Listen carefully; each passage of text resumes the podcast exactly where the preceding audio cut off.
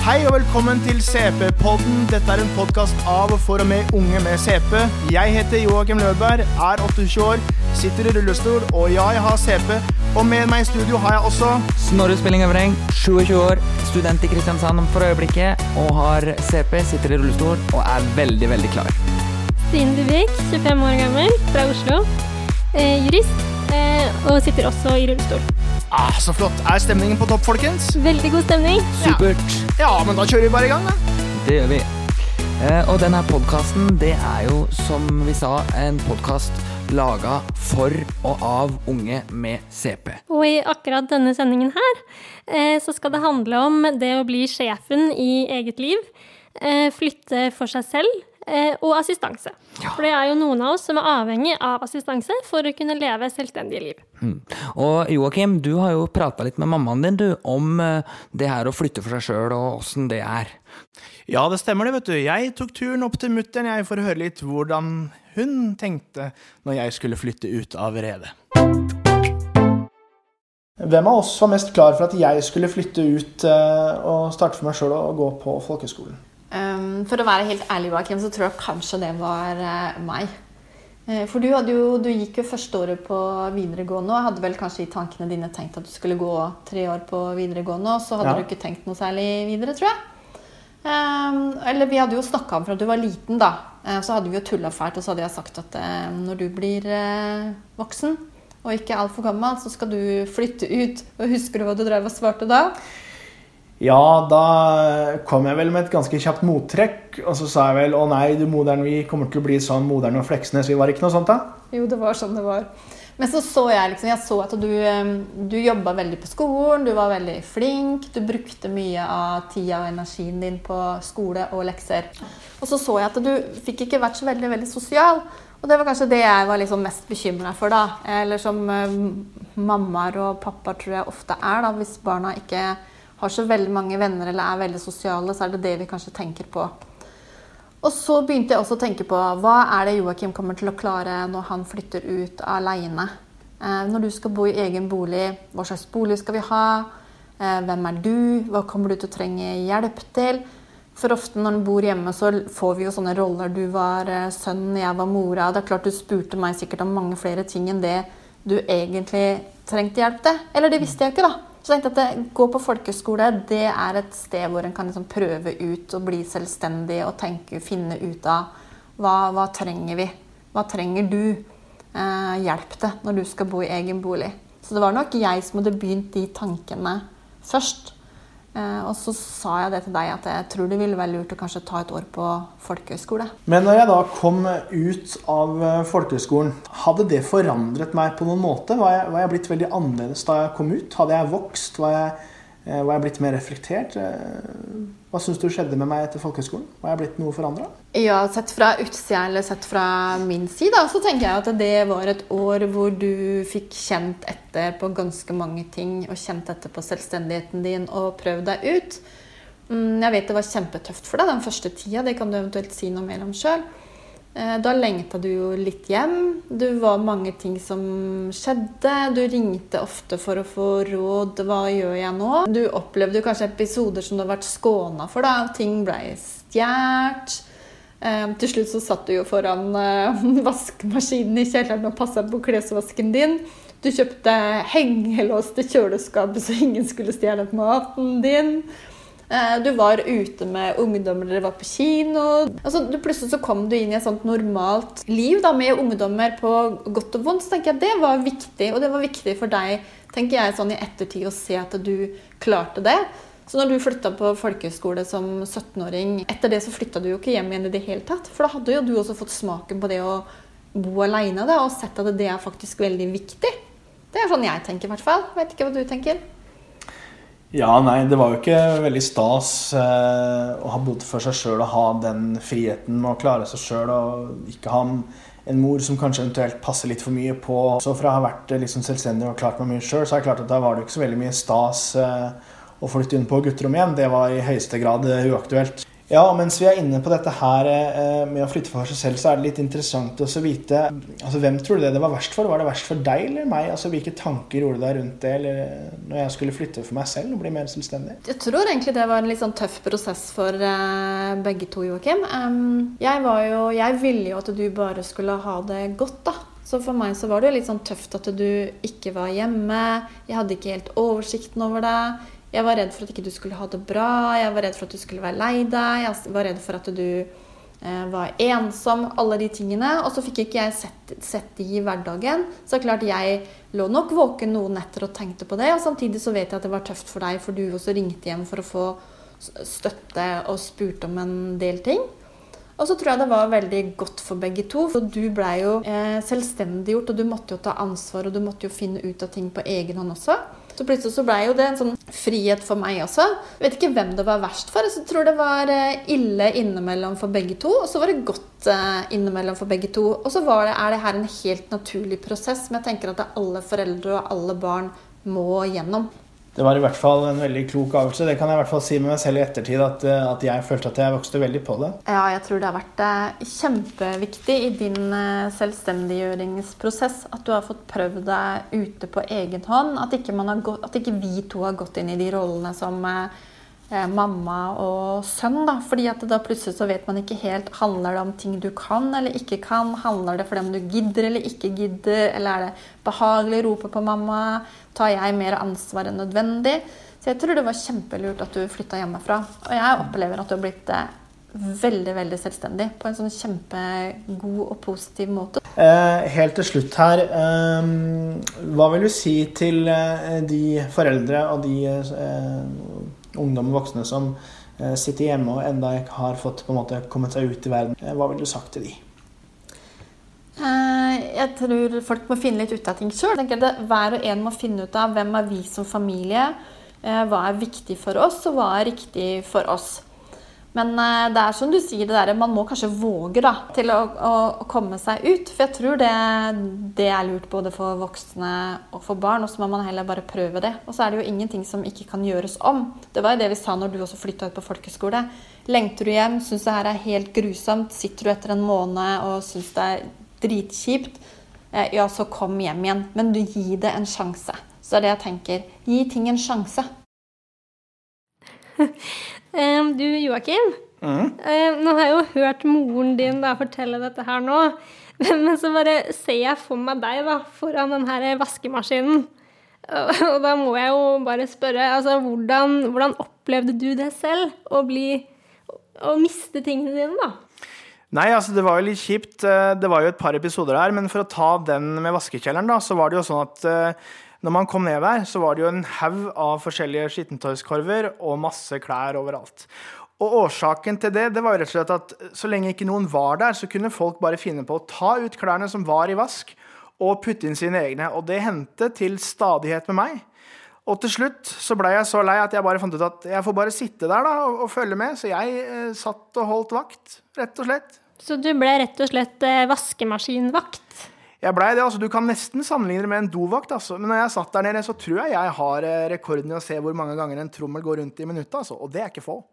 Men altså, eh, hva gjorde du mens du satt der? Fikk du liksom bonda litt med noen folk, eller var det liksom bare Her sitter jeg. Altså, Jeg fikk jo sett litt av folks vaner, da. ikke sant? Altså, Jeg så jo f.eks. hvor flinke folk var til å putte ting inn i tørketrommelen, eller hvor, folk, eh, hvor flinke folk var til å brette tøyet. Så jeg har sett litt av folks vaskevaner, rett og slett. altså. Mm, deilig.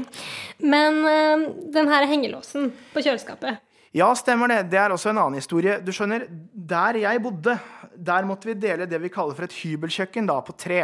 Og det tredje rommet det måtte alltid stå åpent. Dvs. Si at det var fri passasje inn til kjøkkenet. Så da kunne folk bare rett og slett komme inn i det kjøleskapet og stjele pålegg eller stjele brus. Så de tok maten din? De gjorde det, altså. Og dette skjedde opptil flere ganger. Så ble jeg til slutt så lei at jeg tenkte nei, her må noe gjøres. Så da gikk jeg, gikk jeg rett og slett bort til jernet, kjøpte den feiteste kjettingen og den tjukkeste hengelåsen og bare spant kjettingen rundt i håndtaka på kjøleskapet. Og etter det, da ble det ikke mye stjeling, altså.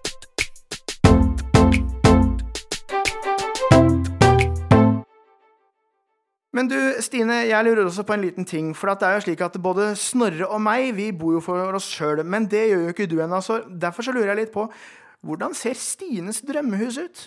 Ja, eh, jeg har jo studert i den samme byen som jeg bor i. Så for meg så var det derfor helt naturlig å bo hjemme, fordi alle vennene mine egentlig gjorde det samme. Eh, men jeg har jo tenkt på dette her med drømmebolig. Eh, og da har jeg jo kanskje ikke tenkt på det som er mest naturlig, men jeg er veldig opptatt av at jeg skal ha et bibliotek. Aha. Ja. Eh, og da skal jeg ha Om jeg ikke kan ha et eget rom, så skal jeg ha en krok. Og da skal det være skjønn litteratur Og så skal det være juridisk litteratur. Jøss. Juridisk litteratur, du. Ja, det, det er veldig viktig. Enhver god jurist må ha et juridisk bibliotek. Ok. Men er det noen eh, juridisk bok du vil anbefale til lytterne våre? eller? Em, altså, da må det nok bli Knopps innføring i norsk rett. Okay. Den, den er veldig grunnleggende. Ok, men da skal jeg ta med det som et eh, nyttig tips. Hvordan ser kjøkkenet ditt ut når jeg kommer hjem til deg? Um, ja, kjøkkenet har jeg ikke rukket å tenke så mye på. Jeg er jo så opphengt i det biblioteket. Ja. Um, men det må være store, romslige flater, for jeg sitter jo i rullestol. Og så må det være enkelt å komme til innunder benker og sånn. Men nå er jo vi så heldige at vi har en kompis på Det blide Sørland som nettopp har laget en liten sak om hvordan han har det hjemme hos seg sjøl. Så kan vi ikke bare ta og høre på det, da? Hei, hei, og velkommen inn i Hus med det rare som ingen kan se, men eh, de skal få en uh, guida omvisning i form av lyd på ting som er viktig å tenke på når du skal flytte for deg sjøl, enten du leier eller skal kjøpe egen eh, bolig. Eh, en fordel er iallfall å eh, sjekke tegningene nøye hvis du har eh, instruert leiligheten din og ser etter kontakter og den slags med elektrikere. Det gjorde jo jeg da en gang når jeg skulle flytte inn i eget leilighet. Men jeg tenkte jo da at ting skulle være på plass når jeg flytta inn, men det var det jo da ikke. Sånn at de kontaktstøpslene som jeg hadde bedt om skulle komme litt lenger opp på veggen for at jeg skulle kunne sette tingene inn og ut alene, de var da blitt montert nede ved gulvet. Så da ble det mm, litt ekstra frustrasjon og litt sånn, men eh, etter å ha klarlagt en gang for alle at jeg satt i rullestol og faktisk hadde problemer med å nå ned til de kontaktene som var satt nesten i ett med gulvet, så fikk jeg jo da nye støpsler gratis fordi de skjønte at de hadde gjort feil med det. Så jeg fikk eh, kontakter som var plassert i litt høyere høyde, og mulighet for å kunne betjene disse sjøl.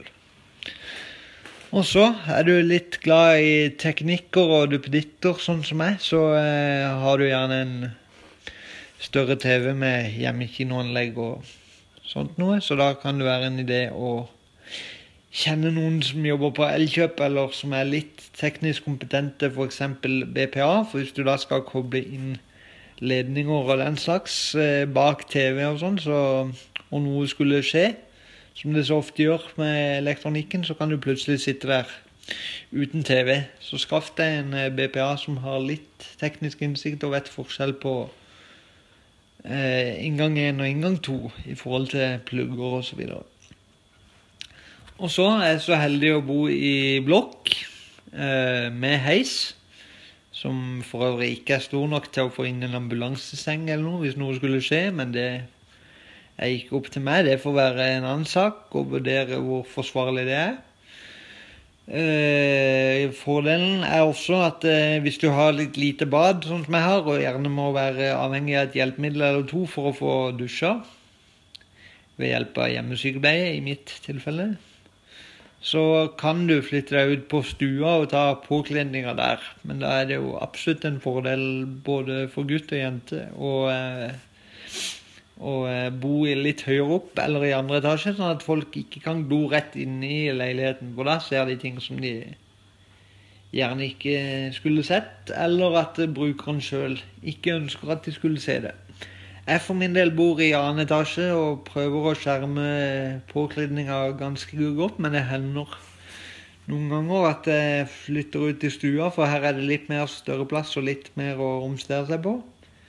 Inne på badet så kan det bli trangt og ikke minst klamt når du står eh, Når noen står over deg og dusjer, og de sjøl klager på at de er varme fordi at eh, de har stått og dusja i lange tider og vil helst ha luft, så trekk ut i stua og skaff et litt oversiktlig rom. Og så gjerne ha litt stor plass i stua, sånn at du kan gjøre litt andre ting enn det du gjerne tenker når det er stue.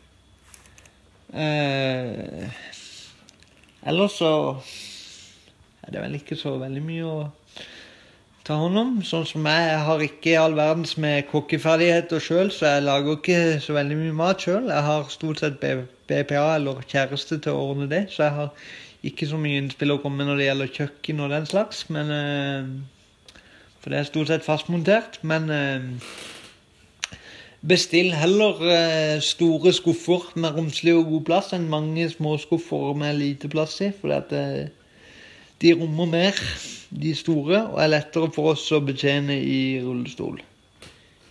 Mikrobølgeovn er også et eh, veldig praktisk triks hvis du har litt dårlig tid en dag. Bare sleng inn i mikrobølgeovnen, tre minutter på full guff, så har du ferdig middag. Pass på å gi døra og karmene et strøk maling innimellom, fordi at diverse hjelpemidler kan fort skrape borti og gi litt merker. Jeg ser sjøl nå det. Jeg har bodd i denne leiligheten i fem år og har ennå ikke gitt i et strøkmaling, men nå er det på tide, for nå begynner det å bli et par skrap på karmer og dører rundt forbi.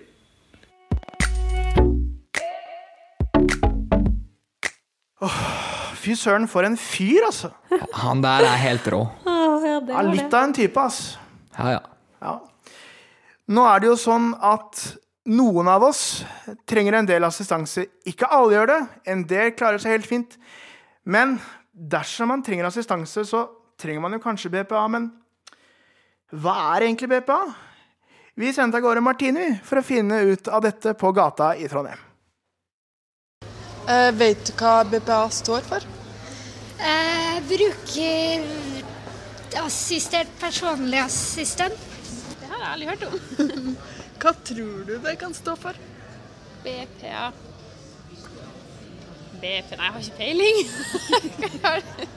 du må jo gi meg litt hint. Personlig assistent må jo være PA, men B det er bedrift, jeg vet ikke. Det er vel en uh, organisasjon, tenker jeg, da, som jobber for, uh, for uh, ja, muskelsykdom eller noe sånt noe, da. BPA. Nei, jeg vet Ja. ikke hva det står på, men det høres kjent ut. Sånn personlig assistent. Bruker opplegg. eh, Personlig Bruker assistent. personlig assistent. Er det det det er? Personlig assistent? Hvis du har hatt assistent nå, hva har du ville brukt den til? Uh, da hadde det blitt mest kjøring, for jeg har ikke lappen. Det hadde jo vært greit hvis noen hadde fiksa ting hjemme. da, Vaska og rydda og sånn. Jeg vet ikke, må kanskje være sånn hvis jeg ikke kunne handle sjøl eller noe. Mm. Bare være med og hjelpe Jeg vet ikke. Trygle eller, bære, eller kanskje ikke det, men kanskje bære hjem varene. Eller noe annet. Jeg vet ikke. Tja, det var et godt spørsmål. Kunne ikke gjort leksene mine på skolen. Nei da, det må jeg jo gjøre sjøl. Ja. Gått på butikken og handla litt, kanskje. Vaska og rydda litt. Nei. det er Ikke så mye ting egentlig som en assistent kan gjøre. Jeg liker å gjøre alt sjøl, jeg. Jeg er veldig sånn. Ja, Den eh, kommentaren der i forhold til å få gjort leksene av NBPA, den kjenner jeg meg litt igjen i. Altså, det kunne vært veldig greit. Jeg sitter jo med bacheloroppgave om dagen og sliter veldig, men jeg tror kanskje ikke at det er helt eh, greia. Nei, men Jeg skjønner at det hadde vært eh, digg. ass. Men dere, en ting jeg kom på mens vi snakker om dette, her, det er jo at når jeg begynte med BPA, så fikk jo jeg i læringsoppgave det å lage min drømmeplan. Ok, det her blir spennende. Ja, Den besto rett og slett av at jeg skulle eh, lage meg en plan med absolutt det jeg ønsket, og de beste assistentene. Oi, oi, oi. Og dere kan vel si, dere som kjenner meg, jeg strakk vel den litt lenger enn de fleste andre ville ha gjort. Så Det har vil jeg valgt- tro. Så jeg har valgt å gjøre et lite utdrag her. Jeg kan lese fra planen her. Mandag. Dagen begynner med at jeg ble vekket klokka 06.00 av Madonna, som hjelper meg med alt jeg trenger om morgenen, og smører verdens beste niste. Klokka 07.45 blir jeg hentet i en privat limousin av sjåføren Atle Antonsen. Tirsdag. Denne dagen begynner langhelgen min. Madonna vekker meg derfor klokka 07.00. Madonna igjen. Madonna, Er det noe gærent med Madonna nå? Nei, nei. Fint. Hun er jo sprek, da. Ja, sikkert. Jeg kan gi deg, baby, alt du vil ha. Eh, ja, men altså, jeg tenker de har jo ikke akkurat eh, tatt med noe om det her med hva en assistent gjør, da. Eh, Nei, jeg tenkte særlig på det at eh, i innslaget så sier de bare at de gjerne vil eh, ha hjelp til praktiske ting. Altså handle, vaske, bære varer. Det er ingen som sier at de vil ha assistenten inn i stua si. Det er sant, det. For det, at det er jo egentlig noe av det en assistent gjør. Den skal jo forlenge og hjelpe med ting vi trenger bistand til. F.eks. å komme inn i dusjen. Ikke sant? Og det er ikke så mange som kanskje vil ha noe med. Nei, det er det ikke så mange andre som tenker på heller, sikkert. Men jeg har vært og snakket med en som eh, har hatt BPA i mange år, og som nå lever av eh, å reise land og strand rundt for å prøve å overtale andre til å søke om BPA. Eh, nemlig Helle Viv. Eh, og et av de spørsmålene jeg stilte henne, var hvordan livet hennes hadde forandret seg etter at hun fikk BPA. Jeg pleier å si at jeg har to milepæler i mitt liv. Og det er den dagen jeg ble mamma, og så er det den dagen jeg fikk BPA. Fordi at livet, det har forandret seg totalt. Endelig kan jeg være med på alt. Jeg kan bestemme over mitt eget liv. Jeg kan være aktiv i organisasjonslivet, være med venner, gå på konserter, som alle vet at jeg gjør masse av. Og så kan jeg være mamma. Jeg kan være en kjempegod mamma med BPA. Så det er en av de viktigste tingene i livet mitt. Det var den dagen jeg fikk BPA. Hvis du skal trekke frem én ting, hva har vært den aller viktigste tingen som BPA-en har gitt deg? Den har gitt meg frihet. Det er vel kanskje det viktigste. Ja, Og selvbestemmelse. Det betyr det samme, egentlig, tenker jeg. Ja. Det finnes eh, mange ulike BPA-leverandører, og du jobber for en av dem, Uloba.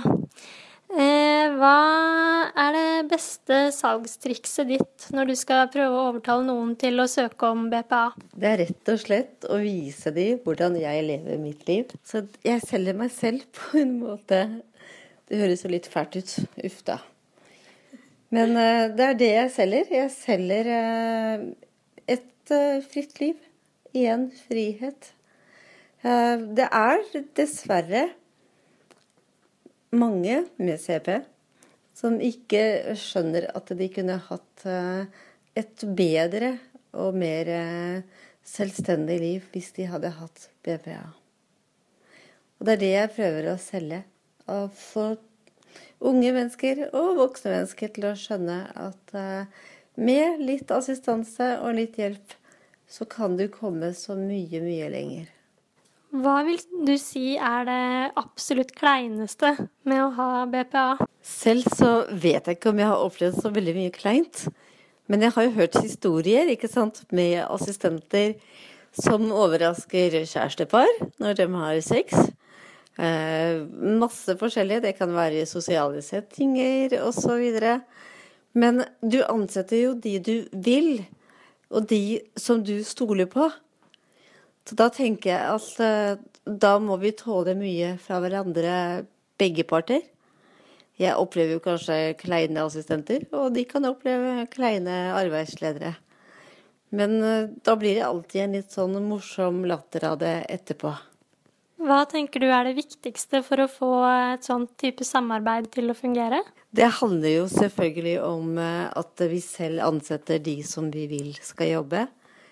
Eh, intervjuer og ja. Kjemi er for meg det viktigste. Og så har det litt med interesser å gjøre også. Det er noen som eh, er opptatt av det at eh, assistenten ikke skal være venn, eller at assistenten er en venn. Den balansegangen der. Hva tenker du om det? Den er veldig forskjellig fra arbeidsleder til arbeidsleder. Jeg kan vel ikke akkurat si at jeg går ut med mine assistenter på fritiden min, men vi kommer veldig nært, og vi blir på en måte slags venner. Vi blir nærmeste betroende ofte i situasjoner. Og da er det jo veldig godt å vite at når assistenten er på jobb, eller også når, også når hun eller han ikke er på jobb, så er det noe som heter eh, Nå har jeg glemt hva det heter. Taushetsplikt. Det er kjempeviktig. Ja. Og da får man også den tilliten, tenker jeg.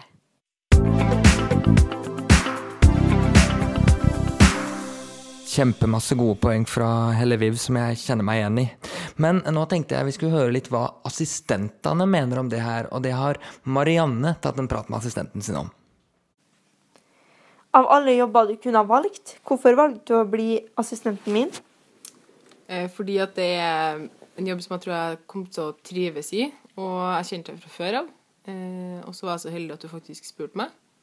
Så da eh, takka jeg egentlig bare ja, for det jeg tenkte var en fin mulighet.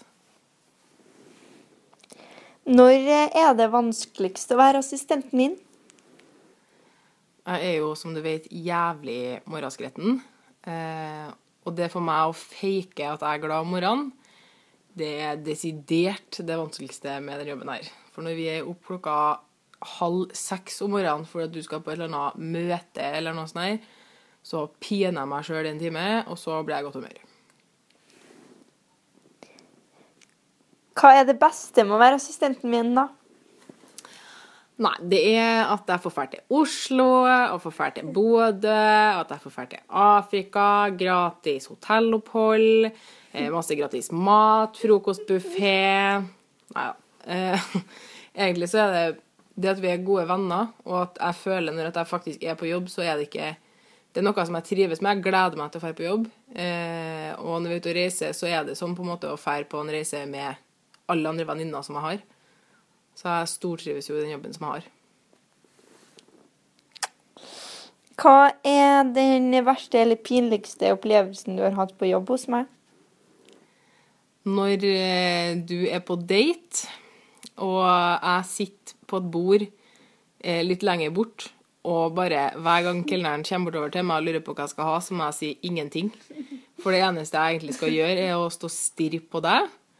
Og når du må på do, så er eneste daten din skjer at du bare går mot doen, og så er det en sånn random kjerring som bare reiser seg opp og bare går etter deg inn på do og låser. Så um, er det noen ting eh, jeg ber deg om som du tenker jeg kunne ha klart sjøl, men som jeg ikke gidder, rett og slett?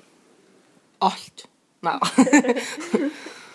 Nei eh, Jeg tror ikke jeg tenker så mye over det, men det er litt sånne ting som eksempel hvis du sitter og gjør lekser eller sitter og spiser og spør om jeg kan hente et glass vann, så hadde du jo sikkert klart det sjøl, men eh, det er jo på lik linje som at uh, samboeren min spør meg når vi sitter og spiser middag, gidder å hente et glass vann til meg, så gjør jeg det jo. Han får det jo til, og det gjør jo du òg, men jeg kan like så godt gjøre det, på en måte.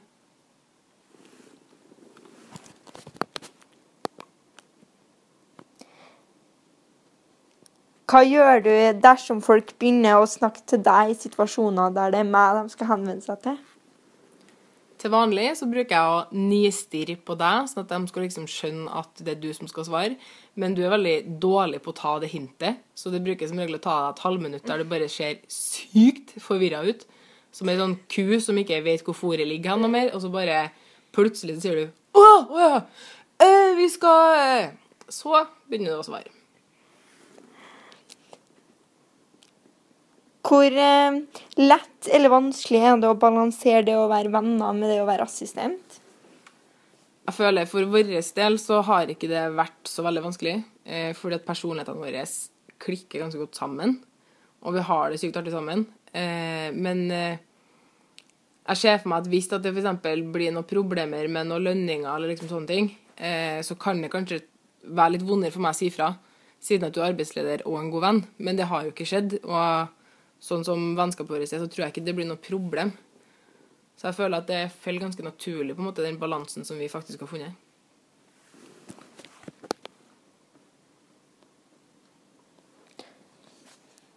Hva er ditt beste råd til andre assistenter?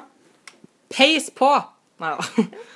Det er jo egentlig bare hvis man eh, tenker at det her er en jobb eh, for seg, da, så når du først blir ansatt, så snakk sammen. Eh, Det er jo ikke noe fasitoppskrift på hvordan assistent folk ønsker seg. Alle mennesker er forskjellige. Noen ønsker at man skal være aktiv i samtaler med venner. Noen ønsker at de bare skal sitte og være tilgjengelig på en måte på andre stuer eller sånne ting. Så det er jo bare det å prøve deg frem. Eh, Det er forskjell på hvem du blir ansatt til, og bare liksom snakke sammen, få en fin flyt og bli enige om hvordan dere skal gjøre jobben.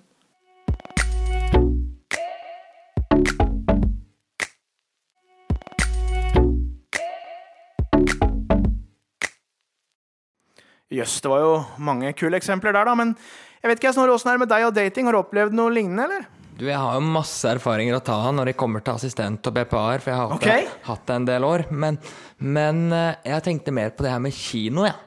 Fordi at når du har eh, erfaring med det her eh, assistent og venner, Mm. liksom, så blir det liksom Når er du venner, og når er du eh, assistent?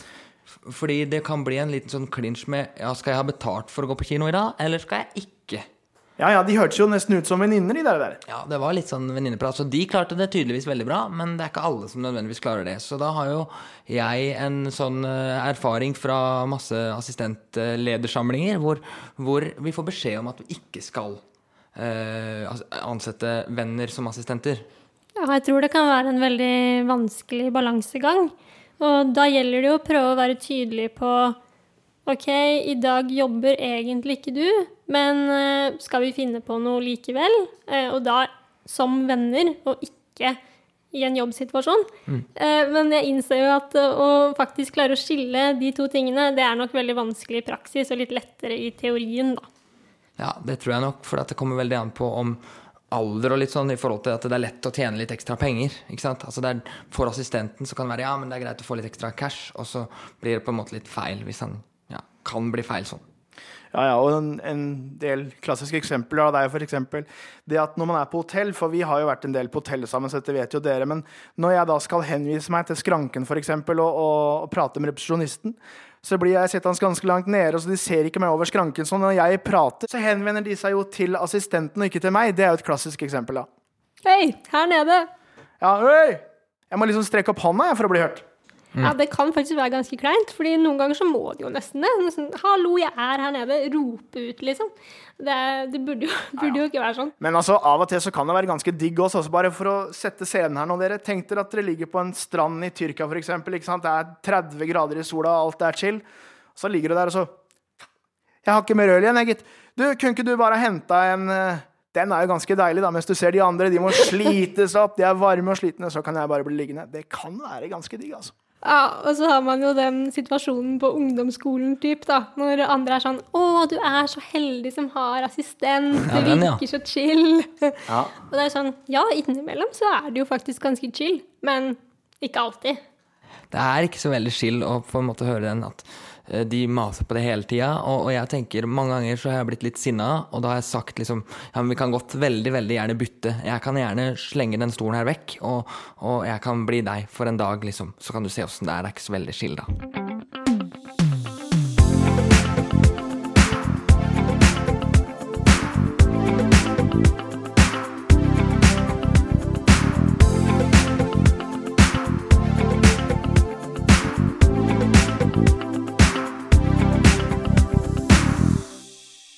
Men dere, vi må, vi må sjekke ut en liten sak her. For at eh, vi har fått et ganske kult bidrag fra en som heter David, som har, eh, har sendt inn en sang til oss. Så eh, vi tenkte at vi skulle framføre den nå, vi.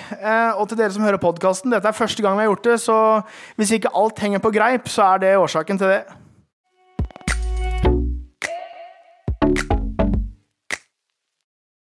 Ja, og denne sangen her, da, den går jo på melodien 'Tenker sjæl at Trond-Viggo'. Den tror jeg alle kan, eller? Den det kan vi. kan vi vel, ja. Ja, ja, men så bra. Da kjører vi i gang. Ja, Da prøver vi. Du våkner opp seint fordi at du har CP. Du Du kjenner at nå er spasmene på, og de er på topp.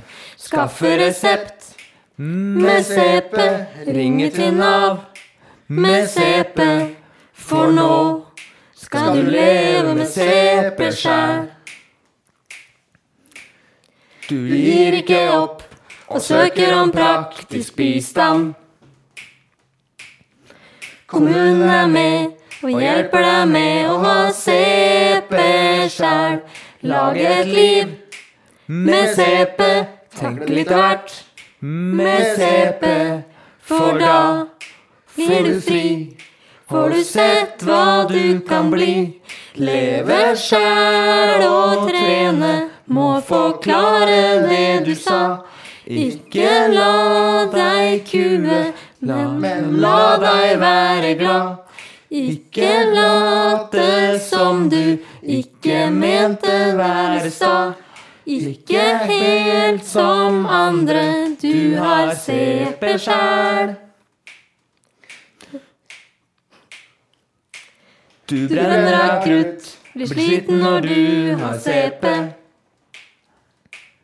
En dag vil du ut og skaffe deg hjelp, du har CP sjæl. Skaffe deg hjem med CP, bestill deg mat med CP, for da blir du fri. Får du sett hva du kan bli. Leve sjæl og trene, må forklare det du sa. Ikke la deg kue, men la deg være glad. Ikke late som du ikke mente være sta. Ikke helt som andre, du har CP sjæl.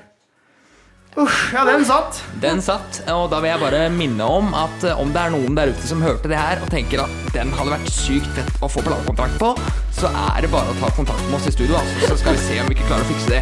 Vi er tilgjengelige hele døgnet, så det er bare å ringe. Ordner seg. Det ordner seg. Nå skal vi høre et innslag fra en som er eldre enn oss. En veteran i CP-foreningen, som eh, er kjent for å ha et skråblikk på tilværelsen. Erfaringsmessig så får han oss både til å le og gråte med tekstene sine. Thor bruker syntetisk tale, og han har laget et eh, kåseri til oss, som vi skal spille av nå. Her er gamlefars bidrag til CP på den om å flytte for seg selv. Passer kanskje bra med en liten tissepause her. Jeg flyttet hjemmefra da jeg var tre, til Rikshospitalet.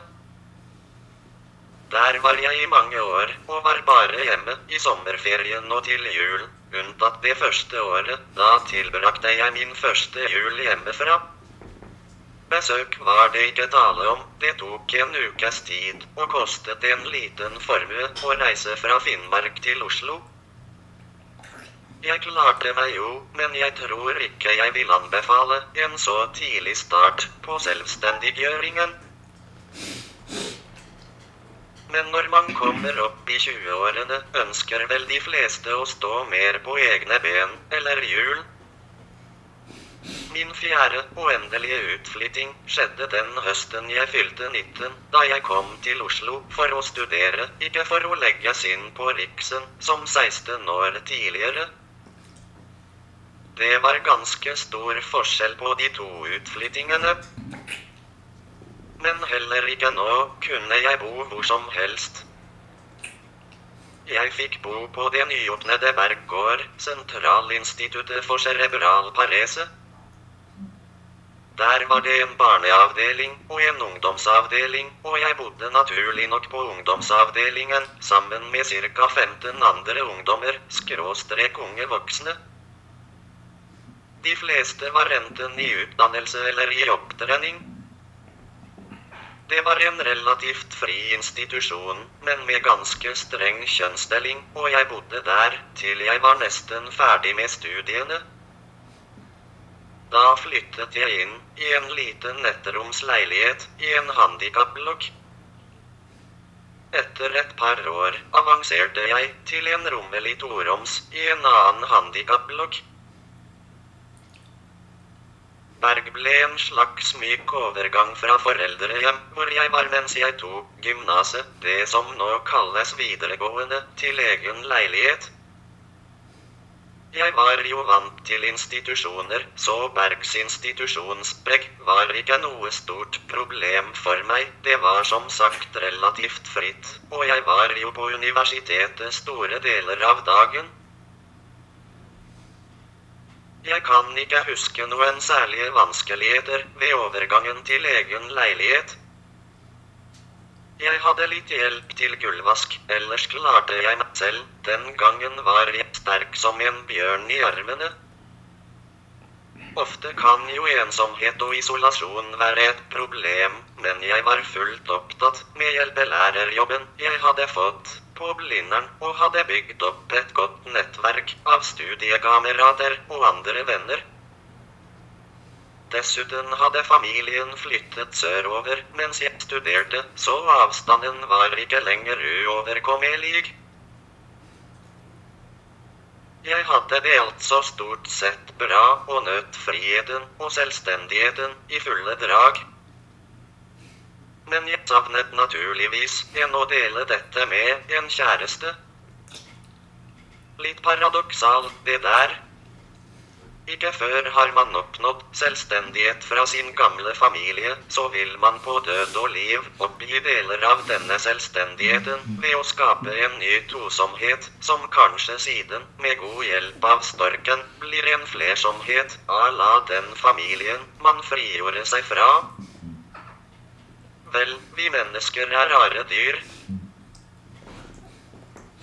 I mitt tilfelle ble jeg så desperat at jeg effektivt skjøv fra meg de jentene som kanskje kunne vært aktuelle. Men et år etter at jeg ga opp jakten, kom hun til meg, og i fjor feiret vi 30 års bryllupsdag. Moral. Ønsk deg det du vil ha, og tenk ikke mer på det. Slapp av, og stol på at alt kommer i sin tid. Jeg startet altså ut med å kunne gjøre det meste selv. Men det kostet, og ettersom årene gikk, falt den ene selvhjulpenhetsskansen etter den andre. Da ble det viktig å huske at selvhjulpenhet er vel og bra, men selvstendighet er det viktigste, og de to er ikke det samme. Det koster kamp og selvrefleksjon å holde på selvstendigheten når selvhjulpenheten svinner, eller kanskje ikke var særlig merkbar i utgangspunktet en gang. Men det går an. Du er nøyaktig så selvstendig som du selv tror du er. Jeg har fortalt litt om mine erfaringer med å flytte hjemmefra. Har jeg noen råd til dere som er unge nå, det vil si flere enn de dårlig kamuflerte rådene jeg allerede har kommet med? Kanskje. Men jeg vil ikke komme med dem unntatt ett. Hør ikke på råd fra oss gamle. Jo da, vi har masse erfaring, og noe av den er kanskje fortsatt relevant. Men disse erfaringene er høstet i våre liv, og dere skal leve deres liv. Dere må høste deres egne erfaringer, på godt og vondt. Dere lærer ikke å leve ved å lære om mitt eller andres liv. Dere, som vi gamle i vår tid, lærer å leve ved å leve. Dere kommer garantert til å gjøre mye dumt, i gåseøyne, men kanskje er det nettopp disse såkalte dumhetene man lærer mest av. Så om vi gamle kommer med råd, så hør høflig på oss, for vi mener det jo godt. Og gjør så som dere selv synes. Hopp ut i det, og lykke til.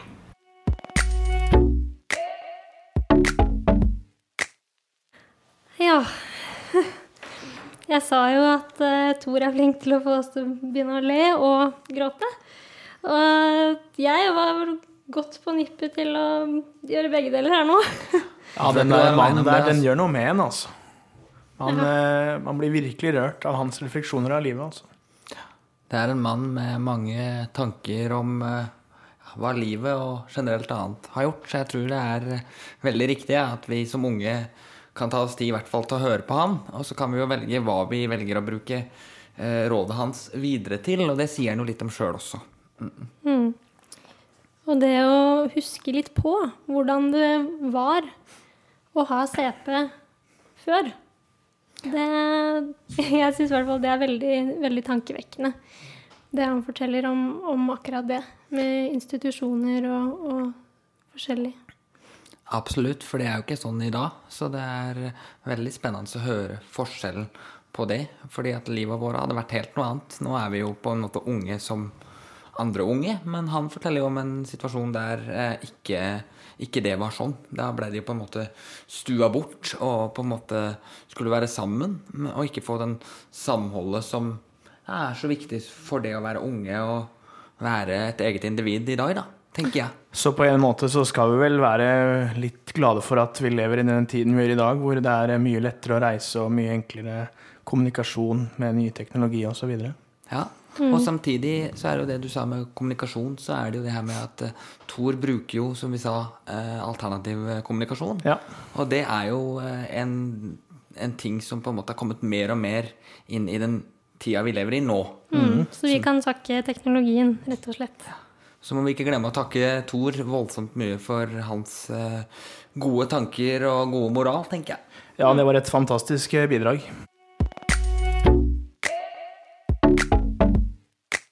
Ja, dere. Eh, nå hørte vi jo eh, gode tanker fra Thor, og jeg tror alle blei litt sånn eh, rørt, rett og slett, av Mm. det han eh, hadde å si. Ja. Men nå er det jo sånn at vi skal videre i sendinga, og Yes. da skal vi til noe som er ganske interessant, spør du meg.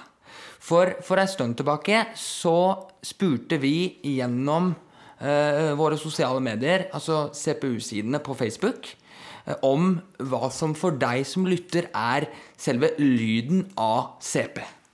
Og den eh, forespørselen den har gitt veldig resultater. For vi har fått veldig mye bra tilbake fra dere. Så tusen takk for det. Men vi valgte å ta det da et skritt videre og rett og slett lage en konkurranse om hva er lyden av CP, og så skal vi spille av litt forskjellige lyder, og så kan dere gjette på hva den lyden her er, og så gi tilbakemelding igjen. Igjen da via eh, de sosiale mediene våre, enten på Facebook-sida vår eller gjennom eh, på mail til cpu at cp.no.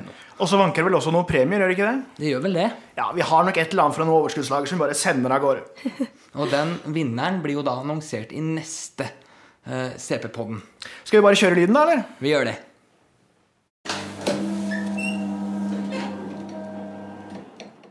Ja, der hørte vi jo lyden, dere. Eh, Den var vel kanskje litt eh, vanskelig, eller? Nei, den var ikke lett, ass. Nei, Så vi må kanskje gi et eh, lite tips på veien til deg som lytter. Ja, og tipset er jo at Tenk etter. Dere har hørt den før, tror jeg. Så lykke til! Lykke til, ja. Og så er det over til neste sending, for vi begynner å nærme oss slutten her for i dag. Og Stine, kan ikke du ta litt eh, mer om hva som skjer neste gang? Ja, tida går fort i godt lag, vet du. Eh, nei, eh, neste sending, da er det nytt tema. Eh, og da er det seksualitet, kjærlighet og relasjoner som er i fokus. Det blir gøy. Det blir interessant, ja. Det blir interessant, ja. Um, så da er det vel egentlig bare å gjenta at uh, hvis dere har noe innspill eller tanker til oss, så er det bare å bruke Facebook-siden vår. Eh, arbeidsgruppa for unge med CP. Send oss en melding der. Og vi er også mulig å nå på cpu at cp.no, mailadressen vår. I tillegg så har vi et uh, lyttespørsmål vi har lyst til å sende ut til dere. Og det er rett og slett hvor er dere hører på vår podkast? Er det i senga med kjæresten? Er det på biltur i tracksen? Er det på skolen i friminuttet? Vi vil gjerne høre fra dere hvor vi kommer til nytte i deres hverdag. Så kan dere gjerne slenge på en liten kommentar eller to om hva dere syns om denne podden. For det her er jo første runde vi kjører, og vi er totalt avhengig av å høre tilbakemelding fra deg som lytter. For for å kunne lage neste sending enda bedre og gå gjennom taket, så må vi vite litt hvor vi ligger hen. Men syns dere det er lenge mellom hver av podkastene, så er det bare å høre mange nok ganger på denne her, og så er vi straks tilbake igjen. Ja, nå var det slutt, gitt. Men før vi tar kvelden, så har vi jo noen å takke òg. For det er ikke bare oss bak mikrofonene som har hjulpet oss med denne sendinga. Bidragsyterne har f.eks. vært min mor, Hilde Løberg, Jørgen Johansen, Martine Eliassen, Helleviv Manglerud, Marianne Knutsen og hennes assistent, David Heierdal og Tor Sandmæl. Produsentene ved denne sendingen har vært CP-foreningens egne Silje Landsverk og Margareta Nikolaisen. Til musikken i denne sendingen fikk vi hjelp av Jesper Borgen og Stian Steinsmens Torbjørnsen. Og ikke minst vår fantastiske lydtekniker som har hjulpet oss med alt gjennom denne sendingen, Henning Bortne. Denne sendingen har også blitt støttet av Ekstrastiftelsen. Og i studio satt Snorre Spilling Emring. Stine Dybvik. Og jeg heter Joakim Løberg. Hei da! Ha det!